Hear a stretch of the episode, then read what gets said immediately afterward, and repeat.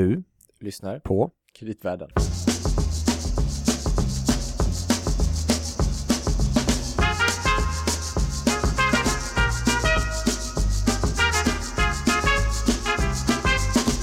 Vill du börja för en skull? Nej, jag tar din tystnad som talande. Jag blev så här fundersam. Ja, men Louis, Gabriel, ja, där är du ju. ja, ja mitt i sommaren. Har du hämtat dig från det här Worldcom-debaclet? Eh, ja, men jag känner att vi slutade på en positiv ton. ja. Man kan lära sig någonting det? av tidigare misstag och ja, det är sant. eh, Mm. händelser. Och man ska fundera över sina etiska riktningar. Riktlinjer, eller riktningar. Sin etik. Etik är viktigt. Så Ja. ska jag säga. Ja, för Louis Landeman Och Gabriel Bergin på Danske Bank. på Markets va? Ja, just det. Kreditanalys. Allt Mm. det stämmer. Ja, Bra, Eh. jag ville bara kolla. Yes. Men eh, vi rör oss vidare Det gör vi. eh, på kreditmarknaden. Som Vi är fortfarande våra- intresserade av kreditmarknaden, Ja, eller hur? Ja, Finansiella marknader i allmänhet i allmänhet. också. Vi är ganska intresserade av finansiella kriser också. Mm. Och någonting som hänger väldigt nära ihop ofta med finansmarknaden är ju även fastighetssektorn. Särskilt för tillfället på kreditmarknaden i Sverige. Ja, men kommer du ihåg att vi pratade med Lennart Weiss där om bostadsmarknaden? Mm. Då konstaterade han ju att centralt för bostäder och byggande och boende är ju faktiskt kreditmarknaden. Mm. Och relaterat till det är ju kommersiella fastigheter. Det har vi ju inte pratat... Ja, ibland har vi pratat om det. Mm. Kanske kunde toucha lite på det ämnet också. Och vilka jag. är det som ställer upp med finansieringen egentligen? Ja, det kan man fundera Mm. på. Banker till exempel. Ja, Mm. precis. Så att för att kombinera de här två Mm, och få lite historik just det. och kunna prata lite om dagsläget Mm. så har vi två gäster också. Mm. Mm. Två stycken mycket prominenta gäster idag. Vi hälsar först välkommen Berit Bering, Tack så jättemycket. VD för Danske Bank i Sverige. Ja, eh, bara sedan ett år, men många år i räntemarknaden. Just det, berätta lite om din, om din bakgrund lite kort. Eh, började en härlig tid 1900, 1990 eh, och jag tror att vi kommer att toucha på den tiden för det var väldigt spännande och mycket som hände då. Du satt Eh. på marknaden där under den här 90-talskrisen. Ja, satt i Mm. marknaden och satt både i, eh, började i Stockholm men satt också i London i samband med att eh, kronan devalverades. Eh, så satt jag där och har också spenderat några år i New York och även i Danmark som också har en stor räntemarknad. Så hela, men hela tiden räntemarknaden har varit en... Ja, den Röd har jag, jag, har, jag, jag har gillat eh, räntemarknaden och trodde nog att jag kanske skulle stanna där. Jag har hållit på med kreditobligationer också lite, får jag säga. Men Mm. eh, nu är det fem år sedan. Men eh, jag tycker om att prata om det fortfarande, för det är roligt. Perfekt. Mycket Mm. bra. Mm. Och från andra sidan så att säga. Anders Kvist, Mm. Ja, välkommen. tack så hjärtligt. Du är vice VD och finanschef på Kungsleden. Det stämmer. Men även du har lång marknadserfarenhet. Ja, jag har jobbat sedan tidigt 80-tal eh, och sedan drygt 30 år i eh, svensk bank och kapitalförvaltning kan vi säga. Mm. Men var också på penningmarknaden eller Ja, jag, ja, absolut. Huvuddelen av min tid i, i bankvärlden, i, i Handelsbanken, Götabanken och i SEB har jag jobbat med eh, bankens finansiering och, och pen- penningmarknadsaktiviteter. Mm. En grym kombo det här. Det låter helt perfekt. Oj, oj. Vi lutar oss tillbaka tror jag. och Så Ja. jag... Precis, men eh, för att vi har ju några tidigare avsnitt haft uppe det här med 90-talskrisen. Mm. Vi tycker att den är, den är intressant i många aspekter. Och den är ju även, eller var ju fastighetsrelaterad. Jag tänkte avsnitt 67 tror jag det var av det är ett av mina podd. favoritavsnitt. Mm. Mm. Mest lyssnade va? Ja, med med... Bo Lundgren. Yes. Då sa han så här kring upprinnelsen till den här krisen.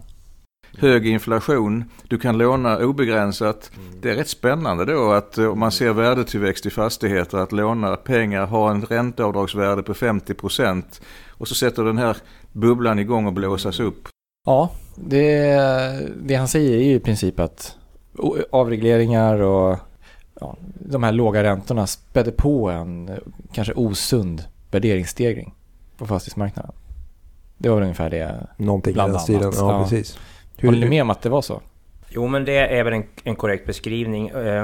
Och mycket handlar ju om att eh, fastighetsinvesteringar är en väldigt kapitalintensiv verksamhet. Det krävs mycket lånefinansiering. När då eh, utlåningen blir fri och du får en, en kreditexpansion då har du möjlighet att, att investera och satsa i, mm. i fastigheter och i mm. andra, mm. i andra tillgångar. Och det är klart att det späder sen på värde, värdeutvecklingen och det är, är lätt hänt, då var det i varje fall så att den löpande direktavkastningen och kassaflödet blev lite sekundärt. Mm. Eh, och att värdestegringen som i sin tur i hög grad skapades utav mm. kreditgivningen, den Just blev det primära. Tills, till, tills det gick för långt helt enkelt. Ja, och så var man lite grann tvungen också att investera i svenska tillgångar. Det fanns ju valutareglering och allt sånt där. Det hade väl också en effekt kanske? Det, det är ju riktigt i början, va? men, men utlåningstaket försvann ju 85 mm. och då blev det fritt med kreditgivning mm. och sen så småningom försvann valutaregleringen. Så det var ju ett antal år där, där det, där det först överhettades i Sverige och sen, sen svämmade det över gränserna mm. också. Va? Och sen så tog det hela en ända med förskräckelse som vi alla vet fram emot 92. Mm. Mm. Men det var ju en, en effekt också av de skattereglerna som rådde vid det ja. tillfället ja, med avdragsrätten. Som gjorde det väldigt lönsamt. Det uppmuntrade belåning egentligen. Uppmuntrade belåning, hög inflation mm. men bra avdrag så att du egentligen eh, så, så gick du hem ganska väl på att lånefinansiera mm. fastigheterna under mm. förutsättning att de inte och, tappade Och även den växande skuggbanksektorn, de här finansbolagen man pratar om som även de då investerar i fastigheter och som bankerna i sin tur hade en exponering mot. Ja, där gjorde väl kanske banksystemet en tankevurpa att mm. man avstod ifrån att finansiera vissa sorters tillgångar och kanske inte med så höga belåningsgrader det man finansierade så finansierades det istället utav de här framväxande finansbolagen som i sin tur fick antingen finansiering av banker så att bankerna fick en indirekt exponering i just de här tillgångarna som man ville undvika. Eller också eh, att bankerna hjälpte de här finansbolagen att låna upp på penningmarknaden mm. med hjälp av det som kallas för marknadsbevis, egentligen en sorts korta finansbolagscertifikat kan vi säga. Ja. Mm. Som, som ett certifikat idag, alltså löptid ja, ett år Det var egentligen ett företagscertifikat emitterat utav mm. Så väldigt korta löptider, hög korta likviditetsrisk. Ja, liksom. Men var man inte eh, från bankernas sida till exempel och andra som var aktiva på marknaden, man, var inte, man såg inte de här riskerna växa fram? Alltså jag har tänkt på det här väldigt mycket i efterskott och jag tror att det är på det här sättet att, att om du har en hel generation av, av bankfolk som har arbetat inom vissa, eh, med vissa spelregler inom ett mm. visst eh, regelverk och sen försvinner det, det blir fritt fram. Då finns det ingen samlad erfarenhet av att det kan gå åt skogen, så att säga. Eh, så att det är inte så lätt att förutse det som man aldrig någonsin har varit utsatt för. Eh, det, det tror jag, jag Bo Lundgren faktiskt nämnde där just det här med att i den, som du sa, den tidigare reglerade mer verksamheten för bankerna. Då gjorde man, eller man ville inte göra så mycket kreditprövningar och så vidare. Alltså man hade inte den precis som du säger, man hade inte riktigt den erfarenheten. Nej, och så blev det en, eh, en känsla av att the sky is the limit. Nu kan mm. vi verkligen eh, nu kan vi dra på här. Ju mer mm. vi lånar ut, desto mera intäkter får vi, desto, mm. mera, desto bättre resultat i bankerna. De var ju i, i, i, många fall börsnoterade då. Det fanns många fler banker. Så det blev mm. lite grann ett, ett race där helt enkelt. Det mm. framstod som som ganska så uh, rätt att, att satsa hårt och låna, Känslan låna mycket. Eh, som i många andra fall så handlar det kanske om framtidsförväntningar eller antaganden om vad som kommer Ja, men en annan sak som jag tror är viktig och det är också det att skilja mellan, mellan förvä det förväntade eh, basscenariot å ena sidan och mm. det som, de osannolika riskscenarierna. Mm. Det, det, vill jag nog minnas att på den tiden så vi hade helt enkelt inte erfarenhet av att det kunde gå riktigt åt skogen. Ingen hade det, inte statsmakterna och inte bankerna. Och då fokuserar man väldigt mycket på eh, normalfallet, business as usual så att säga. Och om det då framstår efter flera år som att det här går ju ganska bra, det är bara att blåsa på, inga problem. Mm. Då, då väldigt svårt att vara konträr i, i det läget. Mm. Men jag tror att eh, Stefan Ingves vid något tillfälle har sagt att när han just såg på fastighetssektorn att det skedde vid någon tidpunkt där under, eller ja, när krisen så att säga väl hände var att man gick, man hade sett på fastighetssektorn och fastighetsinvesteringar på ett sätt, det vill säga det här med värdeökningar. Och vid någon tidpunkt så, så vände det där och så började man titta på kassaflödena. Och då såg samma bolag väldigt annorlunda ut så att säga. Och det är väldigt svårt psykologiskt att säga när en sån, när en sån vändning sker tidsmässigt. Precis som du säger, det är väldigt svårt att vara contrarian men någon gång så händer den här det, det, det, är klart att eh, i sammanhanget så spelade det ju roll att vi hade en fast växelkurs som vi så småningom som Riksbanken tvingades att försvara med höga räntor. Då händer det ju saker med kassaflödet Eh, väldigt, väldigt snabbt alltså. Mm. Då, är, då, räcker inte, då ser inte direktavkastningen eh, efter finanskostnad lika bra ut helt plötsligt. Och då blir det fokus på den aspekten i hur man värderar en fastighet. Mm. Och det kanske är värt att bara poängtera när Riksbanken försvarade valutan. Vi pratar ju om riktigt höga räntor som verkligen påverkar kassaflödet. Till slut ja. så var det 500 procent, det är det man brukar prata om. Men vi hade ju hela 90-talet ja. så var det ett flertal räntekriser innan när man var uppe på 12, 14, 15, jag kommer inte riktigt mm. ihåg. Men det var ju höga belopp mm. och det mm. slår igenom väldigt, väldigt snabbt. Eh, det är ju räntor som man har glömt bort att de finns idag, nästan. Mm. Men hur, jag tänkte, för du kom in och började jobba så att säga, på räntemarknaden under mm. den här Jag trodde det här var perioden. normalt. Men det måste så här i efterhand, det måste ha varit en helt extrem, några extrema år där med. Det var, det var otroligt spännande och fantastiskt roligt så här i efterhand när man, har, när man förstår mera det totala sammanhanget så kan man ju bli mera Får, då får man en annan syn på, på hur det hanterades såklart. Mm. Men det var ju en fantastisk eh, period att vara med, med. Man fick lära sig väldigt mycket väldigt, väldigt snabbt. Mm. Eh, men, men det var ju en, eh, som en del i den här krisen såklart. Penningmarknaden var helt ny och alla var unga och hade inte så mycket erfarenhet. Mm.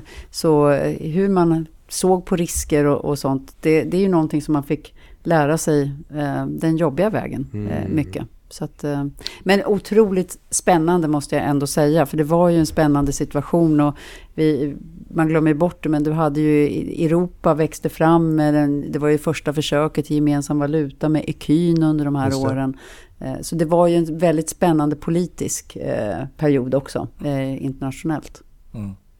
Men de här de säger, svenska myndigheters insatser under den här perioden efteråt har man ju sagt att det var så att säga, väldigt bra gjort. Håller ni med om det? Eller om man ska liksom recensera de åtgärder som vidtogs och så vidare. I förhållande till bankkrisen då tänker du? Ja, ja precis. Ja, hur, man, hur man strukturerade om bankerna och gjorde de här specialbolagen med, med fastigheter som man la i speciella bolag och så här.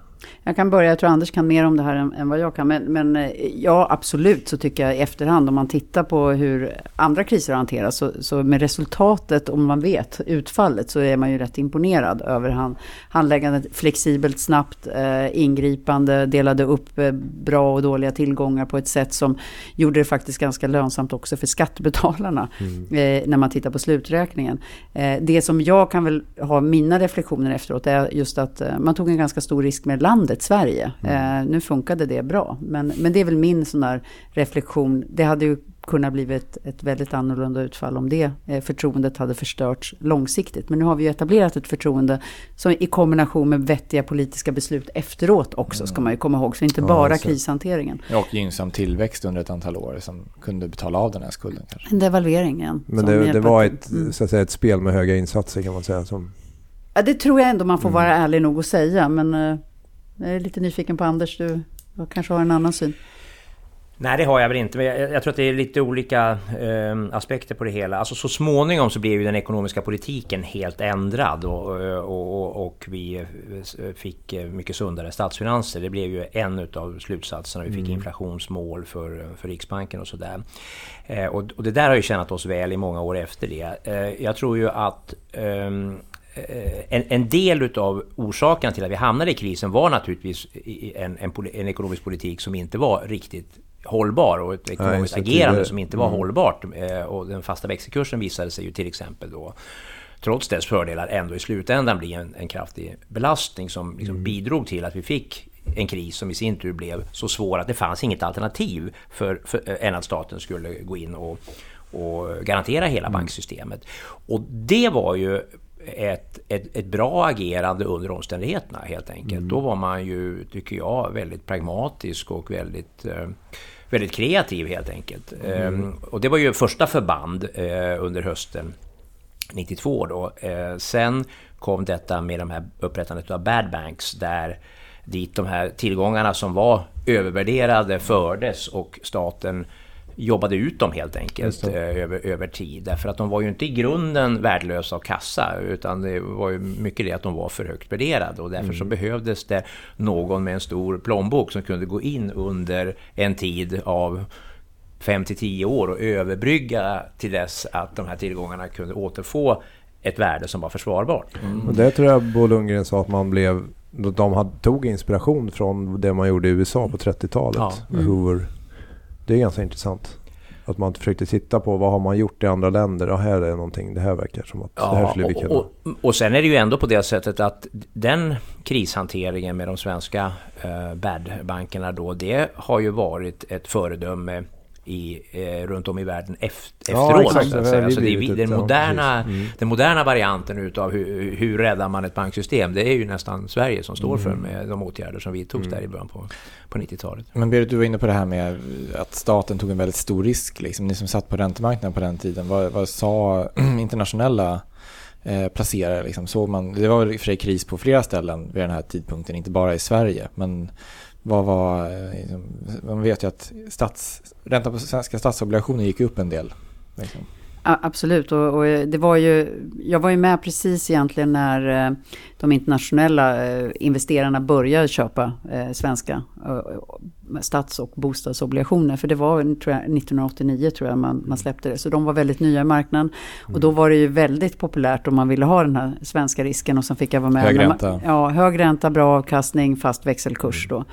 Eh, och sen var jag ju med på, på andra delen, men, men eh, det är därför jag tycker det är jättekul att det är Anders som sitter här idag. För att jag kommer på eh, när, när crescendot kommer, när Skandia som investerare eh, bestämmer sig för att bojkotta svenska statsobligationer. Och jag hade då internationella och framförallt amerikanska investerare. Då kan jag säga, då var de inte så positiva på att äga svenska obligationer själva, när en av de största svenska institutionerna själva inte ville äga dem. Då var det svårsålt, kan jag säga. Mm. Var de de här 25-åriga finansvalparna som Göran Persson pratade om? Men det var väl jag då. ja, det var du. Okej, ja, just det.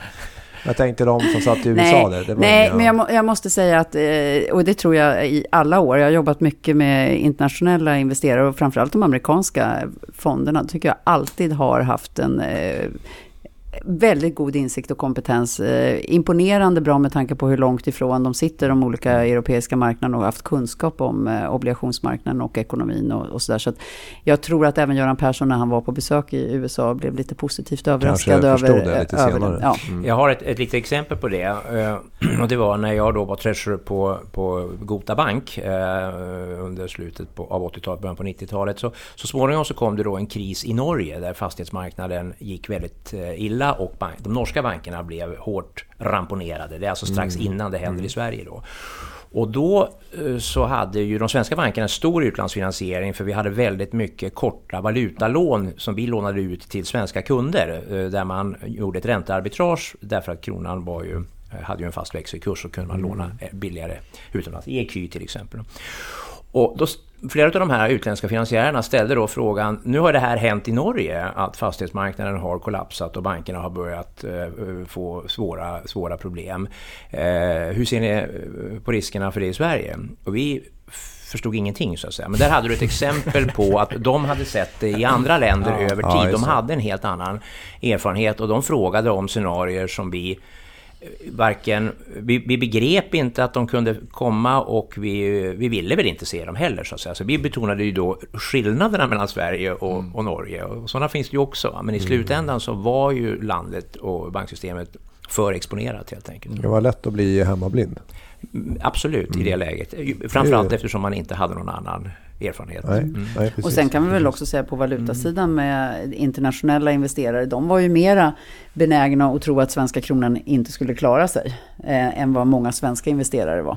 Så det är återigen, jag tror att de såg en, nu var det ju i och för sig under 92 så var det ju en devalveringsresa som började med, jag satt ju i London, och pundet tror jag åkte två månader innan svenska kronan. Så att det. det var ju, där var det ju inge, ingen som inte trodde att kronan skulle devalveras. Men det var en annan debatt i Sverige. Så samtidigt. internationella investerare tog positioner som svenska stod på andra sidan och så, Ja. mm, typ. Och till sist så tog ju svenska aktörer också sådana positioner Ja. och det var ju det, var ju det strå som, Det var som knäckte som det- kamelens rygg så att säga. när, när till sist alla, alla gav upp hoppet. Just det. Till Innan, innan vi lämnar specifikt 90-talskrisen, men en sån här eh, specifik händelse det är när finansbolaget Nyckeln ställer in betalningarna. Är det någonting som liksom fortfarande, kommer ni ihåg var ni var ungefär? Liksom, ungefär som när Lehman-beslutet kom eh, i september. Är det, så, är det ett sånt minne man har? Eller, Eller är det en efterhandskonstruktion? Eller det kanske inte var så dramatiskt då, eller hur?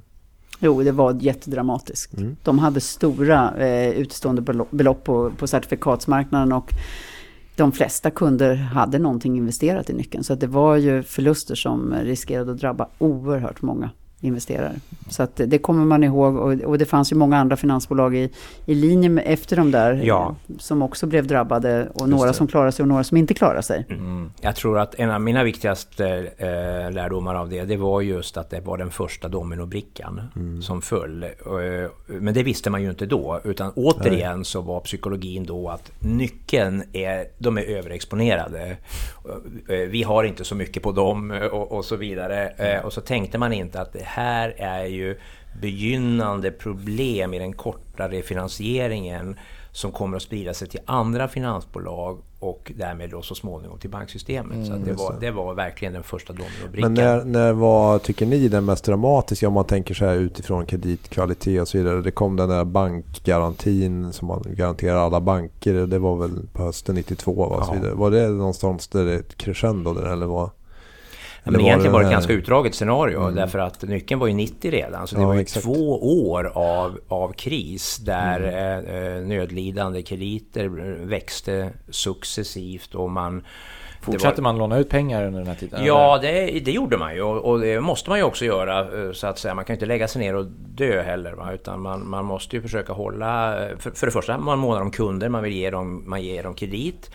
Eh, finansieringen för bankerna blev svårare och svårare internationellt. Det blev kortare och kortare refinansiering men man, man körde ändå vidare genom att låta kunder rulla sina korta valutalån och, och vad det nu var de hade för övrigt.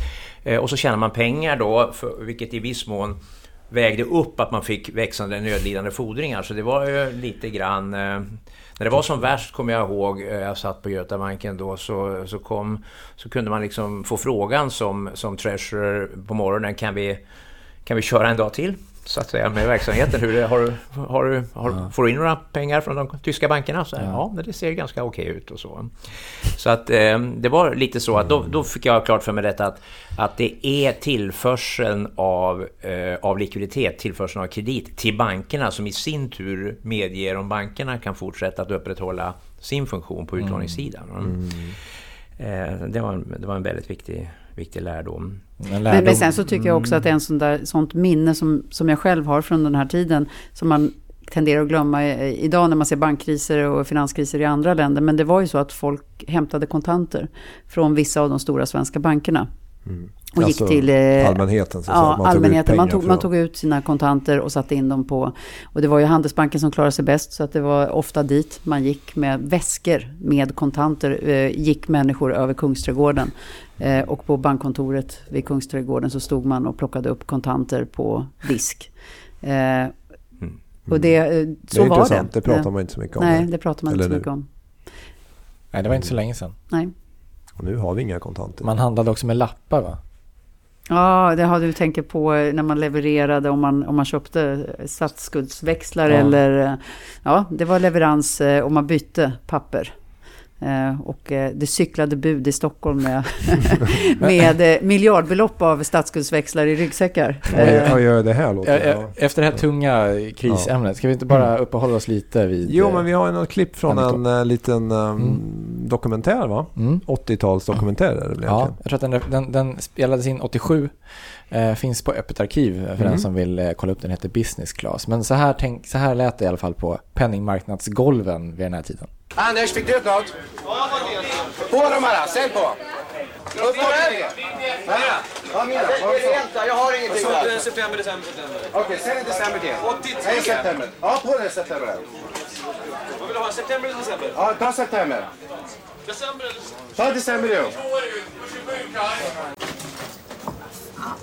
Eh, när jag kom hit första dagen, då var det väl eh, ganska rushigt direkt på morgonen när marknaden öppnade. Och då, Okej. eh, då får det lite grann karaktären av ett aphus faktiskt. Det får det. Och det. Det är en bra inkörsport. Det är en marknad som är väldigt i ropet idag. Det är ett sätt att komma framåt. Man får mycket, eller man får många kontakter. och det är- Jag menar, jag är på väg att bli ekonom. Jag måste hitta en nisch eller något område där jag kan jobba inom. Jag har gett mig på penningmarknaden och jag trivs bra. Man får nästan nöja sig med det tycker jag. Ja, ryser ni lite grann eller känns det... Längtar tillbaka. Ja, Ja. det kan ha varit en härlig tid. Så Vad är det du längtar efter mest? Nej, det var lite, det var lite skämtsamt. Ja, nej, men jag Ja. förstår det. Jag, jag ska inte sätta det på plats, men det var ett annat liv och rörelse i, på arbetsplatsen, får man säga. Det var ju en nybyggarstämning, det var det. Alltså, eh, jag som kom från Handelshögskolan då hade läst nationalekonomi eh, och fick vara med när penningmarknaden eh, grundades och växte fram. Jag kände, jag, jag, jag, kände, jag kände en stor eh, vad ska vi kalla det, en ära eller en heder. Jag upplevde liksom att nu är vi med och bygger en fungerande kapitalmarknad här. Vi börjar med en penningmarknad, vi hjälper staten att finansiera. Det var liksom läroboken i nationalekonomi omsatt. Till konkret praktik. Dessutom i, ett, i, liksom i en häftig miljö då naturligtvis med hög puls och sådär. Det, det var på det sättet väldigt, väldigt eh, Men var inte också den svenska penningmarknaden var väl väldigt stor? Det var inte någonting i stil med tre, världens tredje största certifikatmarknad i, i Sverige? det, det blev ju en, en följd av krisen. Ja. Med stor, stor statsskuld så blev det en väldigt stor obligationsmarknad. ja, det kanske är av Det en kanske inte är så inte bara så bra. positiv anledning. Nej, Exakt. precis. Ja. Vi, jag tänkte vi nu raskt skulle hoppa fram lite i tiden Ja. till den senaste eh, internationella finanskrisen. Mm. Vi lyssnar till snabbt klipp där, Gabriel. oldest money market fund in the nation wrote off roughly three quarters of a billion dollars in bad debt issued by the now bankrupt Lehman Brothers. Vana poddlyssnare känner igen eh, klipp av den här typen. Eh, Vi, Jo, precis. Ja. Vi gillar dem. vi gillar dem. Men, eh, ja, Det är ju, men jag tänkte, det här är ju lite intressant att reflektera kring då med eh, 90-talskrisen i backspegeln. Ni som var med på 90-talet, hur kände ni då när man kom till den här eh, krisen som förvisso var, den kom från USA men den spred sig ju snabbt. Ehm, kände ni liksom, oj nu, nu sker det här igen fast i större form än förra gången eller hur, hur tänkte ni då? Här kändes det ju... eh, i, I den senaste krisen så kändes det ju inte som att det var självförvållat för de svenska bankerna på, på samma sätt som det var i, i 90-talskrisen. Visserligen fick vi flera banker sin, en släng av sleven när det gällde ba- utlåning i Baltikum, utlåning i, på Irland och, och så vidare. Men jag tror att de svenska bankernas problem för tio år sedan eh, under krisen handlade väldigt mycket om eh, den internationella finansieringen som i sin tur som, som torkade upp helt enkelt. Ja. Eh, Så det finns ju likheter om man... Men blev om man, tittar- blev man överraskad av de här spridningseffekterna? Att det gick så himla fort? Att det spred Jo, sig? det- man pratade ju ganska länge om att det här är någonting i USA och det här kommer att kunna hanteras och så Mm. vidare. Eh, och sen så... Nej, men jag tror att det är så är här att när det tvärtom. gäller alla dessa värdepapperiseringar Mm. av olika slag så var det ett risktagande som de investmentbanker och andra som deltog i det inte heller riktigt begrep. Nej. På samma sätt som inte vi begrep riktigt kreditriskerna Mm. i slutet på 80-talet, början på 90-talet. Så att nå- någonstans så, så det flöt till finansiering, bland annat kortfinansiering hela tiden. Då kunde man fortsätta med den här paketeringen, med den här eh, utlåningen och, och ingen såg riktigt vad, vad nedsidan är. Men den blev ju den blev ju väldigt eh, eh, kraftig när den kom. Och en sak som jag tyckte att jag lärde mig då, eller jag tyckte jag, jag såg ett mönster upprepa sig från den svenska eh, fastighetskrisen. Det är ju det att en tillgång kan vara väldigt likvid i ett visst läge. Det är inga som helst problem att hitta köpare, du kan gå ur den med ganska liten transaktionskostnad. Och i ett annat läge som inte behöver vara helt annorlunda, det kan gå ganska snabbt, då är den här tillgången inte alls likvid. Det finns inga köpare. Det var väldigt mycket det som drabbade de, alla de här subprime-krediterna. Och inte bara de, utan värdepapperiseringar överhuvudtaget, även sådana som hade högre kvalitet. Ena dagen så framstod de som, som högt likvida och nästa dag var de inte alls likvida. Och ett skäl var ju förstås att det omsattes inte så mycket under de goda tiderna. Men när det blev dåliga tider, då skulle alla ut och då får du en total förskjutning mellan utbud och efterfrågan. Så att det, Samtidigt som det generella risktagandet gick ner, mm, troligtvis. Eller är det...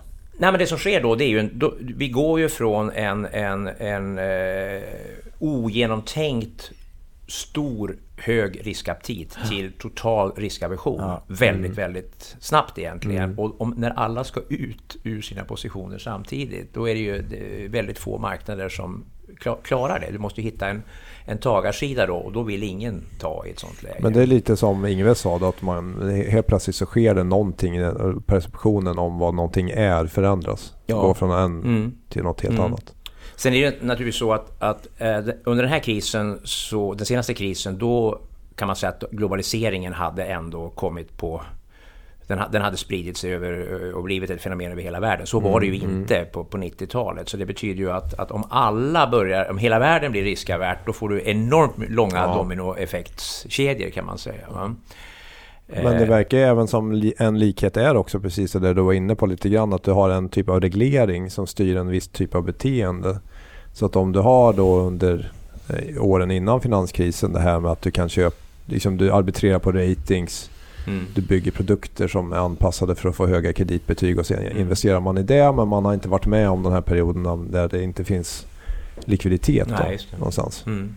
Och Eller efter så- så måste man justera, inser man att regelverken var, det här var en stor brist här som Ja. vi inte hade, hade Man- förutsett kanske. Man har inte varit med eller så tro, tänker man att världen har förändrats. Det kan väl också vara en komponent kanske. Absolut. Ja, jag tror i alla de här kriserna innan man har förstått att det blir en kris så tror man ju att nu har vi utvecklat oss så mycket. Någonting har blivit Ja. bättre. Ja, exakt. Precis, Eh, och därför Precis. så kommer det här bara... Och det, så, det var ju den känslan man hade med penningmarknaden, precis Mm. som du beskrev. Nu var jag inte med riktigt där på 80-talet, men det var fortfarande nybyggaranda när man kom 1990. Och man kände Mm. verkligen att man bidrog till att göra effektivare finansiering för samhället. Billigare Mm. finansiering för både stat och företag. Så att fler skulle kunna liksom skapa bra företag. Och det var ju såklart en del av det. Men det var kanske inte förklaring till att allt gick att lösa. Men man kanske hade precis det som du säger här då, att man hade de här SPV Ja. Bankerna säger vi lyfter bort balans, äh, risk från våra balansräkningar. Sen visar det sig under krisen att det kommer tillbaka i alla fall. Så var, man hade inte lyckats med den här riskspridningen så som man, så som man trodde kanske. Nej, och sen så hade man väl inte, man visste inte hur stora summor som omsattes och gjordes i de här derivatkontrakten som du inte riktigt kunde följa hur mycket Nej. som fanns utestående eftersom de inte var registrerade någonstans. Så att det var väldigt svårt för om man nu pratar om att vi gjorde det bra på 90-talskrisen, det var ändå lite lättare Mm. att se var riskerna fanns i systemet. Eh, Den här stora 2007 var det extremt svårt att se vart riskerna fanns. Och det var ju väldigt många, även av de allra största bankerna i världen, när de satt och diskuterade, som inte trodde att riskerna var så här stora, fast de var en av de största spelarna. Så att, eh, Eh, så är det ju och ehm, ehm, det, det leder ju till ändå tror jag kontinuerliga förbättringar utav infrastrukturen på marknaden. Alltså tar vi den svenska finanskrisen då, då fanns det ju egentligen inga ratings på, på de här eh, finansbolagen och, och Ja, andra. just det, just det. Det fanns det ju för all del då sen på, på de här värdepapperiseringarna, subprime-krediterna och sådär. Eh, men det var ju rating gjord på, enligt en viss speciell metodik. Ja. Man kan säga att det var ett steg i rätt riktning och det, det hade aldrig fått den spridningen. Det är inte så många aktörer runt om i världen, tyska sparbanker och andra, skulle, skulle ha köpt den här typen av amerikanska subprime-exponeringar om det inte hade funnits rating. Men, men ratingen var ju återigen eh, eh, predikerad på vissa antaganden och, och, och, och så vidare. Och i ett totalt osannolikt tail-scenario, då håller ju inte de här antagandena. Så det, jag tror att det, rating är bra tycker jag. Det är, ett, det är ett fall framåt, men man får inte vara så enögd som placerare att man, att man tror att bara för att det här är AAA-ratat eller, eller har en bra rating så är det det under alla förhållanden. Man måste också själv göra en, en bedömning. Sen det här som du är inne på Berit om var ligger exponeringen egentligen? Eh, det kan man ju säga när det gäller kreditderivat och sådant så har det ju blivit bättre efter den här krisen. Och då, nu har vi ju fått mera utav eh, clearinghus och sånt där som, som fångar upp den här typen av exponering. Så det, successivt så byggs liksom infrastrukturen ut kan man säga i det finansiella systemet. Eh, Men man ska, nog, man ska nog ändå inte säga att vad bra, nu har vi ett totalt perfekt eh, sy- stamsystem här i byggnaden. Nej. Utan det är nog fortfarande så måste köparna precis- vara liksom, eh, de måste akta sig. Ja, jag tänkte precis säga det. Det för, man, för en ju osökt in på frågan liksom, var saknas det infrastruktur nu? Eller var, finns det, ser ni någonstans där det byggs upp risker idag? Men, Ja, men jag, jag vet inte om man vågar säga det när man sitter med, med två stycken kreditanalytiker på företagsobligationsmarknaden. Men eh, obligationsmarknaden och företag som, det är som med alltid, om man bara är beroende av en enda finansieringskälla. Och det finns ju vissa företag som är bara beroende på obligationsmarknaden. Och den har vi ju sett att den kan eh, torka emellanåt när, när det sker stora händelser internationellt. Det kan ju jag se som, som en ri- risk som kan bli systemrisk om det blir för stora företag som har den typen av exponering. Mm. Och det är, det är intressant att du säger det för att det är väl en konsekvens av förra finanskrisen att flera bolag har eh, sökt sig till kapitalmarknaden just för att man märkte då att man var väldigt beroende av en eller två banker och ville sprida sina risker. Och då har vi, det är som är just en positiv effekt men som du säger då, då har man, får man andra risker istället. Mm. Typ exponering mot kanske fondflöden. Eh, hur investerarna ser på en bransch eller som du var inne på också rating för den delen. För som du säger, en rating kan ju vara en sak idag men sker det en kris eller någonting händer så skulle många kreditbetyg kunna sänkas samtidigt till exempel. Ja. Och då kan det göra att många investerare måste sälja till exempel. Men ni är ju på Kungsleden exempel på ett av, det är ju många bolag och särskilt i fastighetsbranschen som har ökat sin, sin upplåning på just obligationsmarknaden. Men har det varit en diversifieringstanke eller? Ja, det ska man säga. Vi har gjort det här med, med måtta. Mm. Eh, eh, vi har ju... Eh, den traditionella modellen för börsnoterade svenska fastighetsbolag det är ju att man lånar egentligen bara i bank. Eh, och så kan man...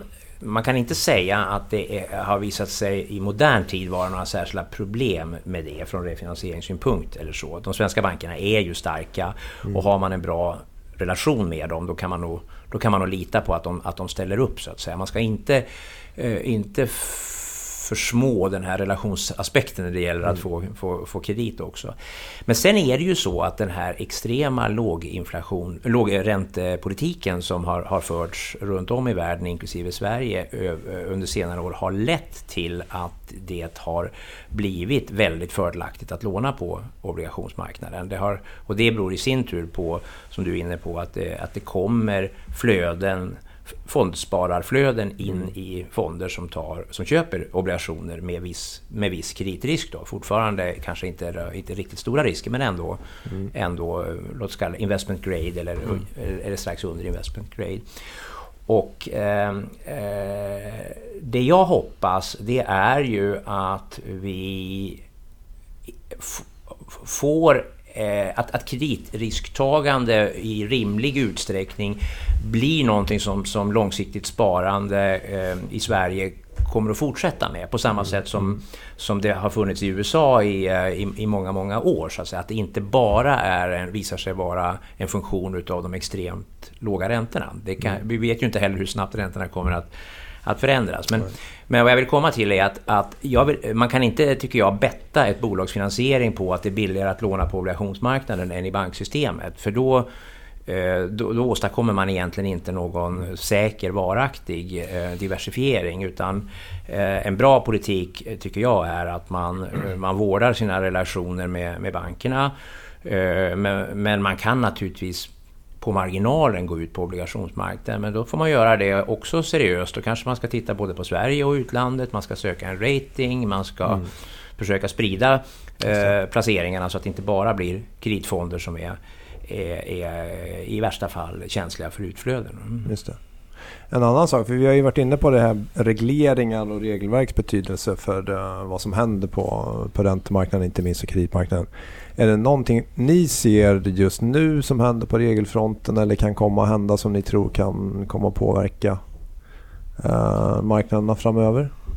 Mer av strukturell karaktär? Eh, kanske inte nya eh, saker. Jag tror att de regelverk som nu kommer i effekt Mm. eh, har vi inte sett all, eh, all effekt av. Mm. eh, och, det, och vi ser väl en del av det på bolånesidan eh, just nu. Just det, Där vi har nya aktörer som eh, genom andra finansieringsstrukturer Mm. än de traditionella hypoteksbolagen har haft hittar en billigare finansieringskostnad. Via Eh, kapitalmarknaden? Via kapitalmarknaden. exempel. Mm. Så det är väl en av de där sakerna eh, som, är, som blir en, en ny följd av, eh, till viss del av, av, av regelverk. Eh, så att, eh, ja, jag tror att vi, jag tror vi kommer att se, ja, jag tror vi kommer att se ganska Mm. mycket under de närmsta ett till två åren. Där man börjar titta på hur man ska utveckla affär, affären och hur man gör affärerna. En annan sak är ju att fastighetssektorn har blivit, den är ganska stor va? Om man ser internationellt perspektiv i Sverige, kan man säga så? Ja, det Den kan man svenska. ju säga. Är, den svenska kommersiella fastighetsmarknaden, den anses ju vara väldigt likvid och väldigt Mm. stabil. Den har ett, ett gott renommé och det är väldigt många utländska investerare som, som söker sig hit. Och, och svenska eh, finansiella aktörer har ju också relativt stor exponering direkt och indirekt i fastighetsmarknaden. För det är väl en anledning till att bolag som ni även går på kapitalmarknaden tänker jag. Att det är stora volymer skulder som ska som ska Fastighetsvärdena har enkelt, ökat man och då ökar också skulderna tänker du? Ja, i och med att bolagen växer. Mm. Ja, just det. Alltså dels därför att det, blir- det blir dyrare att förvärva nya fastigheter. Mm. Men sen är det också en hel del, eh, behövs en hel del investeringar, projektinvesteringar. Mm. Det behövs ny, nya kommersiella ytor, nya kontor, nya logistikfastigheter och sånt där. Och det måste ju måste finansieras på något sätt. Och det är klart att återigen, då blir det så att eh, bankerna är bra. Eh, men om obligationsmarknaden ger billig finansiering vid sidan om så prövar man det också. Mm. Och sen så tror jag vi också måste komma ihåg, det är ju bra med riskspridning Ja, såklart. Eh, och eh, några av de här finanskriserna är ju kanske tecken på att det har varit för kon- mycket koncentrerat bara på Mm. bankerna. Så att eh, vi har våra pensionsfonder som, som Mm. säkert kan ta liksom en, en annan del än vad de har gjort tidigare eh, med andra alternativa investeringar. Eh, Medan de tidigare kanske mest har varit bara på obligationer och aktier. Så finns det ju andra tillgångar. Eh, Och det tror jag någonstans långsiktigt ändå är bra. Att det blir en, en bättre riskspridning och att för pensionspengar ska ju vara ganska långsiktiga. Eh, Och, och jag tror att det är, återigen, vi kommer tillbaka till de här kriserna. Vad är det som skrämmer? Det är ju när likviditeten försvinner. Och det är väl viktigt att bankerna hela tiden kan jobba med att ha likviditeten. Den här riktigt långsiktiga eh, balansräkningsexponeringen. Kanske det finns andra aktörer som är bättre lämpade än bankerna. Mm. Jag tycker det är en viktig, viktig poäng, alltså eh, det, det som kallas för löptidstransformation. Mm. Alltså att låna ut långt men, men, men, men ha kort, kort inlåning emot. Det är en av bankernas viktigaste uppgifter men frågan är hur, hur stor ska den missmatchen få lov att vara? Vad, vad, Mm. vad, är, vad är rimligt eh, där? Och då kan man nog kanske ändå säga att att har man väldigt mycket långa bolån i sin balansräkning så är det, det är ganska naturligt att det i högre grad finansieras väldigt långfristigt. Mm. Så att det är, eh, om det nu sen sker genom att bankerna för, förmedlar eh, eh, covered bonds som finansierar det här till långsiktiga försäkringsbolag, pensionsfonder eller om det sker någon form av disintermediering så att de här långa bolånen hamnar i, hos försäkringsbolag, eh, pensionsfonder. Det, det, är, det är bra så länge det blir bättre matchning. Men, Mm. men, men ska, ska det missmatchas eh, mellan ut, ut och in, då ska man veta vad man håller på med. Mm. Mm. Har du Gabriel? Ja, har vi väl lärt oss en hel del eller? Det gör vi väl alltid tänkte jag säga. Mer än Ja. vanligt höll jag på att säga. Ja. Det, det var helt Så rätt. Vi fyller våra stora kunskapsluckor. Ja, det, det är djupt där nere. eh, nej, eh, jätteintressant. Mm. Tack för att ni kunde vara med. Men jag tänkte Gabriel, du Ja. brukar ju ha musik. Ja, det brukar jag. Du, ska vi göra så här? Mm. Eh, det här är lite taskigt, för nu blir det på uppstuds. Men är det någon av er som kan komma på någon, om ni tänker tillbaka på den här tiden, är det någon låt som ni kan komma på som på något sätt för er eh, knyter an? Ja, då kan jag först säga så här, eftersom jag brukar lyssna på er podd, eh, så Trevligt. har jag inget från Värmland. Det brukar, anna- det brukar annars vara ett tema. kanske är välfylld redan. Och, och inget av Sven- Sven-Ingvars. Från, Eh, från Täby då? Inte ens på isländska? Nej. Nej. Nej, men jag tycker att, eh, nu vet jag inte när ni kommer att lägga ut det här, men eh, fotbolls-VM har precis dragit igång. Det kanske börjar närma sig Mm. eh, viktiga matcher. Eh, det är lite senare än 90-talskrisen, 94, men det var ändå crescendot där. Det var då, då Återhämtningen. Ja, det var återhämtning, men det var väldigt stökigt. Då var det när gräva guld i USA, va? Just det. Så den tycker jag Mm. väl kan avsluta det här. Ger lite positiva vibbar här. Mm. Bra Vad där. skönt. Mm. Och så hoppas jag att Vad det går så bra för Sverige också. Sverige och Brasilien och... Ja, men man sa det att eh, det var, det, det, det var rätt negativt. Det var där Skandia bojkottade de svenska Så var det. statsobligationerna. Det var det som var Mm. crescendot och Ja. det var 94, eller hur? Ja, just det. Ja. Det kanske vände då med den låten och att det gick så bra i fotbolls-VM och Insåg hela att det stämningen var inte så dåligt ändå. Ja, och men då får jag ju då fråga, eftersom du satt på Skandia, hur var det att bojkotta svenska statsobligationer om det var vändpunkten? Då kan inte det bli så Nej, bra. men vad det, det, vad det handlar om är att, eh, att när någon tillräcklig, med tillräcklig eh, kapacitet och tillräcklig rykte och, och så sänder ett budskap att det här är inte bra. Svenska statsfinanserna är inte sunda. Vi som förvaltar långsiktigt pensionssparande, vi vet inte om vi vågar köpa statsobligationer. Då sändes det ju ändå en signal Mm. om att nu måste vi ändra den ekonomiska politiken i det här landet. Sen var det många andra saker samtidigt. Vi hade EU och, och sådana där. Men, Mm. men jag tror inte man ska underskatta opinionsbildningseffekten när banker och försäkringsbolag sänder, sänder tydliga budskap om vad de tycker är, är sunt. Det gäller även utländska aktörer. Mm. Kapitalmarknadsaktivism. På något sätt, va? Mm. lite så ändå. Eh, En väckarklocka för politiken. Perfekt. Mm. Bra. Men Eh, fotbollen gjorde oss glada i krisen. Och det är också viktigt. Ja. Ja. Precis. Och det här poddavsnittet gjorde mig glad, det känner du Louis? Ja, absolut. Och Mm. sen Orup på det, det är ju fantastiskt. Och det här passar väldigt bra, det är en väldigt somrig låt. Nu tar Ja. ju också podden lite sommarlov, eller hur? Jaså? Mm. Det är ganska kort väl? Ja, ja visst. Ja. Ja, men, Vi är, snar, vi är snart tillbaka. Ja, glöm inte bort oss. Nej, precis. Ja. Bra. Tack så mycket igen. Ja, stort tack för att ni kom. Jättekul att vara här. Tack så hemskt mycket. Tack Louis. Hej.